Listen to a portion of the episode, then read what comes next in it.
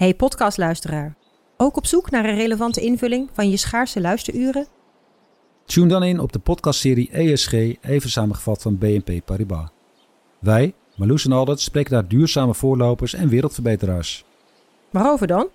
Nou, bijvoorbeeld of we ooit duurzaam kunnen gaan vliegen. En waarom koeien in de stad nou een goed idee is? Dat en meer elke twee weken in een nieuwe aflevering. Dus abonneer je. ESG, even samengevat. Vanaf de redactie van NRC het verhaal van vandaag. Mijn naam is Thomas Ruip.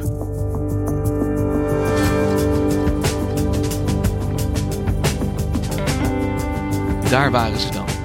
De vier verdachten van het neerhalen van de MH17 op 17 juli 2014. Of ze ooit een Nederlandse rechtszaal van binnen zullen zien, is maar de vraag. En dat terwijl de hoofdverdachte, Igor Gurkin, een bekende Rus is die gewoon in Moskou woont. Correspondent Steven Dirks besloot dan maar zelf naar hem op zoek te gaan.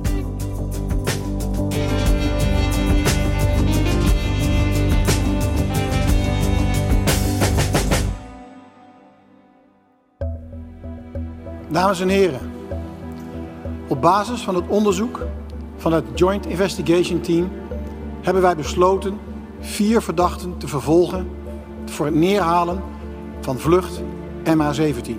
De afgelopen week is, uh, heeft uh, het Joint Investigation Team, het internationale onderzoeksteam dat de ramp naar MH17 onderzoekt, bekendgemaakt dat er uh, een strafzaak komt tegen vier verdachten. Steven Dirks is Rusland-correspondent voor NRC en woont en werkt in Moskou. En dat die strafzaak op 9 maart van het volgende jaar begint. In een speciaal beveiligde rechtbank op Schiphol. Onder autoriteit van de rechtbank Den Haag. Hoewel zij niet zelf op de knop hebben gedrukt, is de verdenking dat zij nauw hebben samengewerkt om de druk Ze worden vervolgd voor twee dingen. Iets wat je zou kunnen noemen dood door schuld. Uh, de technische term daarvan is het laten verongelukken van een vliegtuig. En de tweede is gewoon moord. Dus de moord op de 298 passagiers van vlucht MH17. Vandaag sturen wij internationale aanhoudingsbevelen uit voor de vier verdachten die wij gaan vervolgen. Ook plaatsen we hen op de nationale en internationale opsporingslijsten.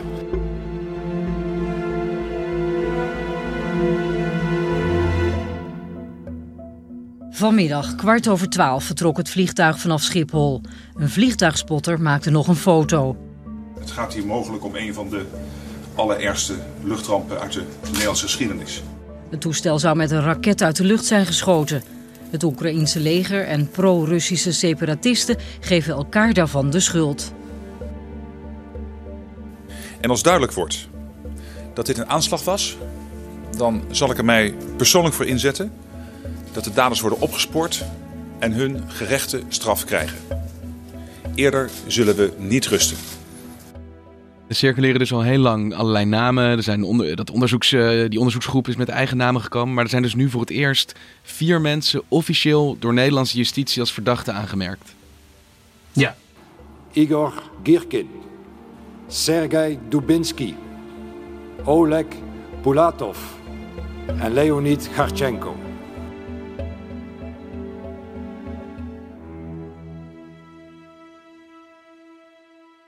En wie zijn die vier? Uh, een daarvan is uh, de man die bekend staat onder de schuilnaam Gyurza. Dat betekent adder. Dat is Oleg Pulatov. 52-jarige uh, voormalige luitenant-kolonel uit het Russische leger.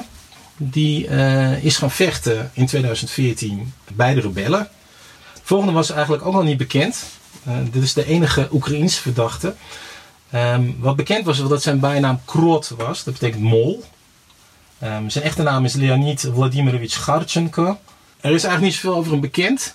Behalve dan dat volgens Bellingcat hij geboren is uh, in het plaatsje Konstantinivka. En dat er zelfs mensen zeggen dat hij uh, een bekende crimineel was. Voordat hij zich aansloot bij de rebellen.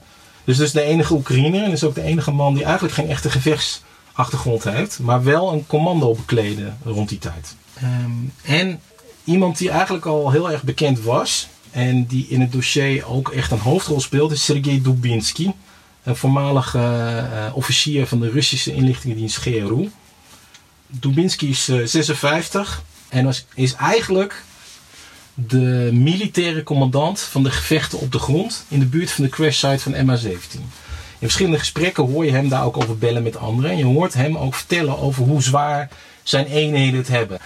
En hij vertelt kort na de crash zelfs dat, dat ze inmiddels een Oekraïns gevechtsvliegtuig hebben neergeschoten. Это я о чем я думаю, да?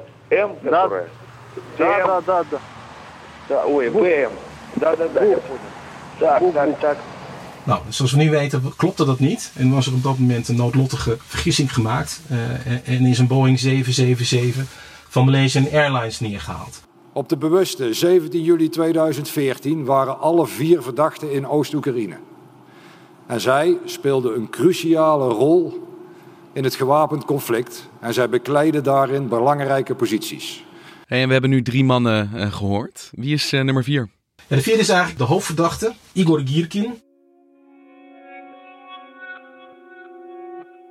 Iemand die uh, ongelooflijk bekend is geworden in Rusland. Niet onder de naam Girkin, maar onder de naam die hij gebruikte al in zijn FSB-tijd.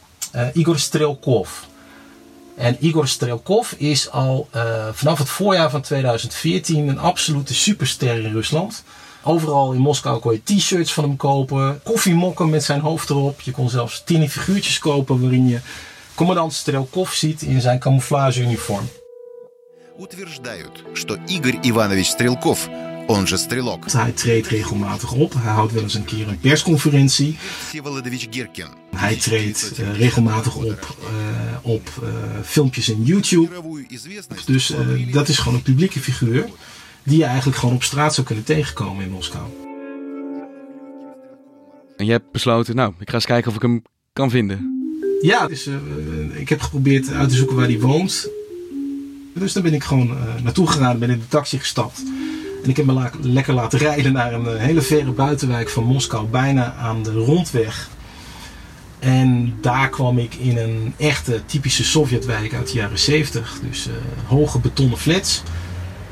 maar ook veel groen. Dus het was eigenlijk best een mooie straat waarin hij woonde. Ja, want dan sta je ineens voor de deur waar mogelijk een van de hoofdverdachten van de MH17-ramp woont. Wat doe je dan? Ja, dan probeer je aan te bellen.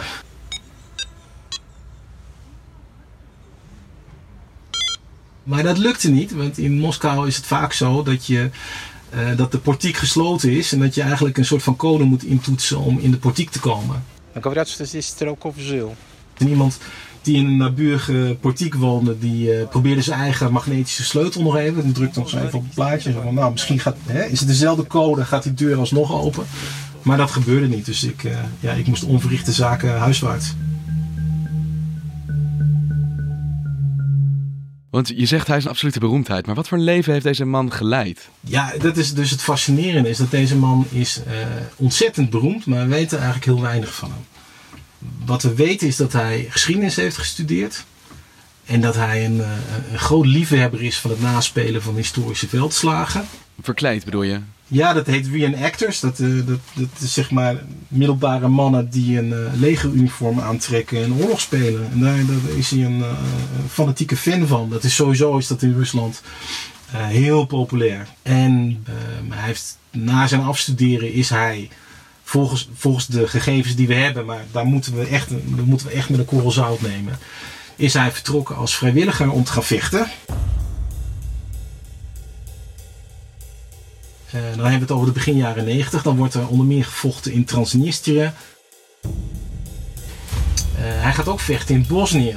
Aan de, aan de kant van de, de Bosnische Serviërs. Dat was een soort van Russische vrijwilligerseenheid. Daarna schijnt hij uh, ook beroepsmilitair geworden te zijn. Um, en schijnt hij te zijn overgestapt naar de FSB. De opvolger van de KGB. Dus de Russische inlichtingendienst FSB. Ja, dus je hoort een soort glansrijke militaire carrière, maar dat maak je natuurlijk nog niet automatisch tot een, uh, een, beroemdheid. Nee, en dat komt, die beroemdheid die is gekomen doordat hij um, dus in het voorjaar van 2014 opduikt in het oosten van Oekraïne. Dus je moet je voorstellen, de Krim was net geannexeerd uh, door groene mannetjes. Russische beroepsmilitairen zonder insignes op het uniform met, met maskers over het hoofd. En hij wordt dan zo beroemd omdat al die mannen uh, die lopen met gemaskerd rond. Ik denk rond die tijd ben ik ook in Slavjansk geweest. En daar zag je dus die gewapende mannen op straat lopen. Maar daarvan wist je niet wie het was. Want ze wilden niet met je praten. Je kon hun gezichten niet zien. Je kon alleen zien dat ze gewapend waren.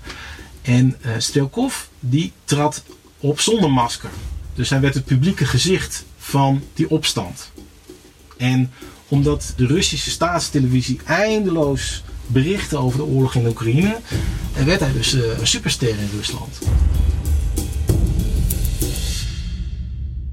Ja, precies. Hij komt als een soort oorlogsheld, verschijnt hij daar op het nieuws. Een gezicht dat iedereen herkent en meteen associeert met die oorlog in Oekraïne. Ja, hij gaat naar Donetsk. Dat is de, de, de belangrijkste stad in het gebied, in het Donbass.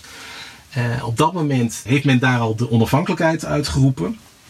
En uh, heeft men gezegd, uh, wij zijn nu de Volksrepubliek Donetsk met een eigen vlag, een eigen regering. En daar roept hij zichzelf uit tot de minister van Defensie. Dus hij wordt op dat moment wordt hij uh, dus echt de opperbevelhebber van de separatisten in het oosten van Oekraïne. En het JIT heeft ook een woensdag een nieuw telefoongesprek gepresenteerd. Waarin Girkin belt met de leiding op de Krim. Informatie она общеизвестная, что en dan wordt gesproken over het feit dat hij onvoldoende uh, middelen heeft om zich goed te kunnen verdedigen tegen het Oekraïnse leger. En dan zegt hij, um, ja, ik heb gewoon uh, militair materieel nodig. Ik heb antitankraketten nodig. Ik heb, ik heb artillerie nodig. Ik heb normale luchtafweer nodig.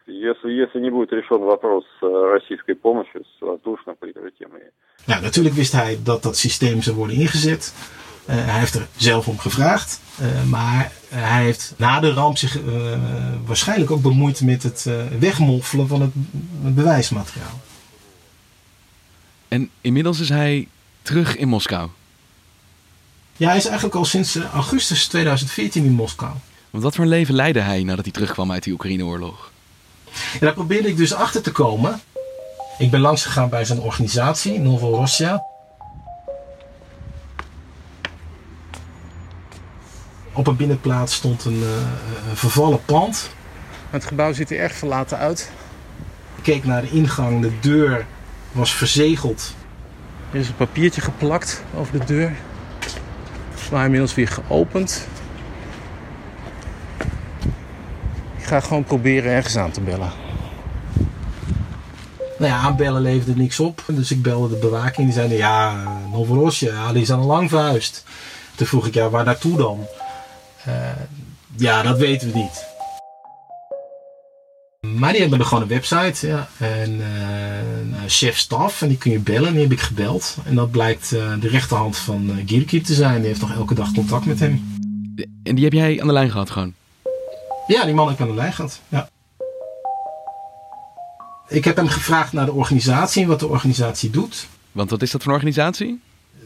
Girkin is een, is een uh, echte Russische nationalist en een aanhanger van de groot-Russische gedachte.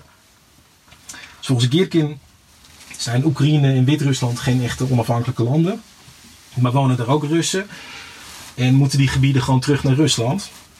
En wat hem betreft uh, hoeft dat ook niet helemaal vrijwillig te gaan, zeg maar. En wat interessant is, is dat die organisatie dus helemaal niet um, pro-Kremlin is. Ze vinden ook dat, het, dat Rusland in 2014 veel eerder had moeten ingrijpen, troepen, troepen over de grens had moeten sturen en gewoon een groot deel van de Oekraïne had moeten afhakken. We hadden al die problemen niet gehad. Dus wat je zou verwachten is dat de belangrijkste verdachte van het JIT in een safehouse zit, zich nooit laat zien op straat. Uh, en dat hij um, bewaakt wordt door een cordon FSB'ers. Maar in werkelijkheid is dit gewoon uh, iemand die eigenlijk openlijk oppositie voert tegen Poetin. Het is inderdaad precies ook wat ik dacht. Gewoon mijn beeld is dat van verdachte. Ja, dat zijn mensen die zijn een soort van opgelost ergens in de Russische staat. En die ga je nooit meer achterhalen en terugvinden. En jij hebt dus gewoon zijn rechterhand aan de lijn. En die zegt van ja, nee, tuurlijk. Ik wil wel even een paar vragen over hem beantwoorden. Ja, zeker. En nee, ik heb nog iemand anders gesproken. Uh, zekere Maxim Kalashnikov. Dan denk je, hé, hey, Kalashnikov, dat is toch het geweer? Uh, dat klopt, maar uh, de Kalashnikov is gemaakt door meneer Kalashnikov, want Kalashnikov is een hele gewone naam. Maar enige, uh, enige naspeuring op internet leverde op dat deze Maxim Kalashnikov ook een pseudoniem gebruikt, net als Girkin. Zijn echte naam is Vladimir Kucherenka. En, en kon hij jou helpen, kon hij jou dichter bij deze Strelkov brengen? Nou, niet echt. Want op het moment dat ik begon te vragen naar wat doet deze man nu, uh, dan stuit je een klein beetje op een muur. Dus uh, zowel zijn rechterhand als deze Klasnikov hebben verteld dat hij nog gewoon werkt voor zijn geld. En dat hij werkt als beveiligingsadviseur bij een bedrijf. Um, en dat we weten dat hij is uh, hertrouwd. Dat dat zijn derde huwelijk is en dat hij een jonge dochter heeft. Uh, maar waar hij precies woont, dat willen ze dan niet vertellen. En waar hij dan precies werkt, ook niet. Maar uh, via die rechterhand van hem uh, bij de organisatie Novorossija um, kon ik ook berichten doorgeven aan Strelkov. Je hebt een bericht aan hem kunnen doorgeven? Ja, dus de rechterhand heeft via WhatsApp een berichtje gestuurd aan Strelkov. Of Gierkin moet ik zeggen. En ik ga nu zelf ook de hele tijd over, over, over Strelkov praten, niet over Gierkin. Hij heeft een bericht naar Gierkin gestuurd. En gezegd, hé, hey, er is een Nederlandse journalist van NRC Handelsblad die u toch nog om een reactie wil vragen. En toen heeft Gierkin geantwoord, ik ga nu met niemand praten. Ja, ik vind het een hele vreemde gedachte. Ik moet eerst zeggen, ik bijna een raar gevoel van krijgen, zeg maar. Dit is een man die heel Nederland zo graag in een rechtbank hier zou willen zien. En ja, jij spreekt met mensen die gewoon direct app-contact met hem staan. Hij werkt ergens verderop, woont met zijn vrouw en kinderen ergens in Moskou. Op, een manier lijkt dat niet te kunnen voor mij. Hoe, bestaat dit? Ja, dat heeft gewoon ook te maken met de categorische uh, ontkenning die er is in Rusland. over dat zij een rol hebben gespeeld bij deze ramp. Dat wordt gewoon door alle. Ja, het wordt door het Kremlin ontkend. Het wordt door het ministerie van Buitenlandse Zaken ontkend. Nou ja, dat is natuurlijk logisch. De staatsmedia die berichten dat iedere keer. Alle betrokkenen van destijds. Die zeggen ook, ja luister eens, uh, de, de opstandelingen in het oosten van Oekraïne, die hadden helemaal niet zulke wapens. We hadden alleen maar eenvoudige Kalashnikovs en een paar panzerwagens die we in beslag hadden genomen veroverd hadden op het Oekraïnse leger. Dus hoe kunnen wij dan een verkeersvliegtuig op 10 kilometer hoogte neerschieten? Dat, dat kunnen wij helemaal niet hebben gedaan. Dat is ook het standpunt van, uh, van Gierkin. Meen een zekere luchtigheid bij hen te bespeuren. Van ja, ja, die kennen we wel. En nee, nee, dat hebben we niet gedaan. Beseffen zij waar wij hem voor zoeken? Wat dat betekent? Ja, dat weten ze heel goed. Maar uh, kijk, ik denk dat iedereen zich realiseert dat uh, deze verdachten, dat Gierkin, Dubinsky en de anderen dat die nooit voor het hekje zullen komen in Nederland. Tenminste, als ze niet uh, Amsterdam gaan bezoeken, of uh, Berlijn, of uh, Parijs, of een andere hoofdstad op de wereld, dan zullen ze niet worden opgepakt. Dat zal niet gebeuren zolang er niet een hele andere regering zit in het Kremlin. Want dat, dat is de conclusie die je wel kunt trekken. Deze man gaat, als de situatie daar niet enorm verandert, nooit in Nederland in een rechtbank verschijnen. Nee, absoluut niet. Want Rusland levert nooit iemand uit aan een ander land. Oekraïne trouwens ook niet. Dus um, deze mensen kunnen niet in Schiphol uh, voor de rechtbank verschijnen. Bovendien uh, laat Rusland, uh, heeft Rusland tot nu toe laten weten dat het onderzoek niet deugt en dat Rusland geen enkele betrokkenheid heeft. Dus Rusland zal ook geen Russische verdachten van deze zaak uitleveren.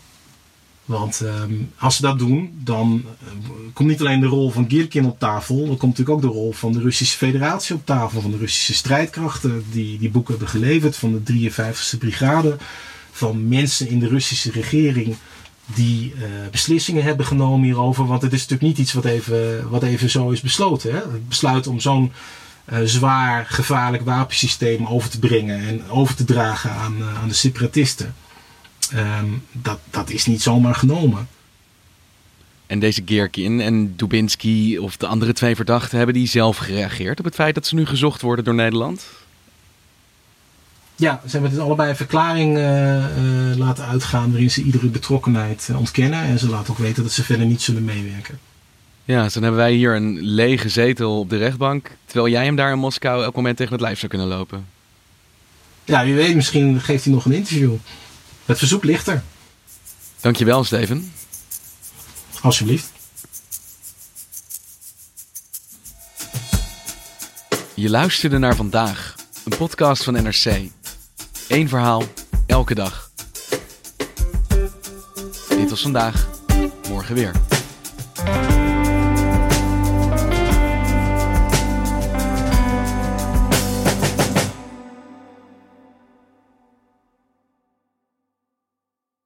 Technologie lijkt tegenwoordig het antwoord op iedere uitdaging.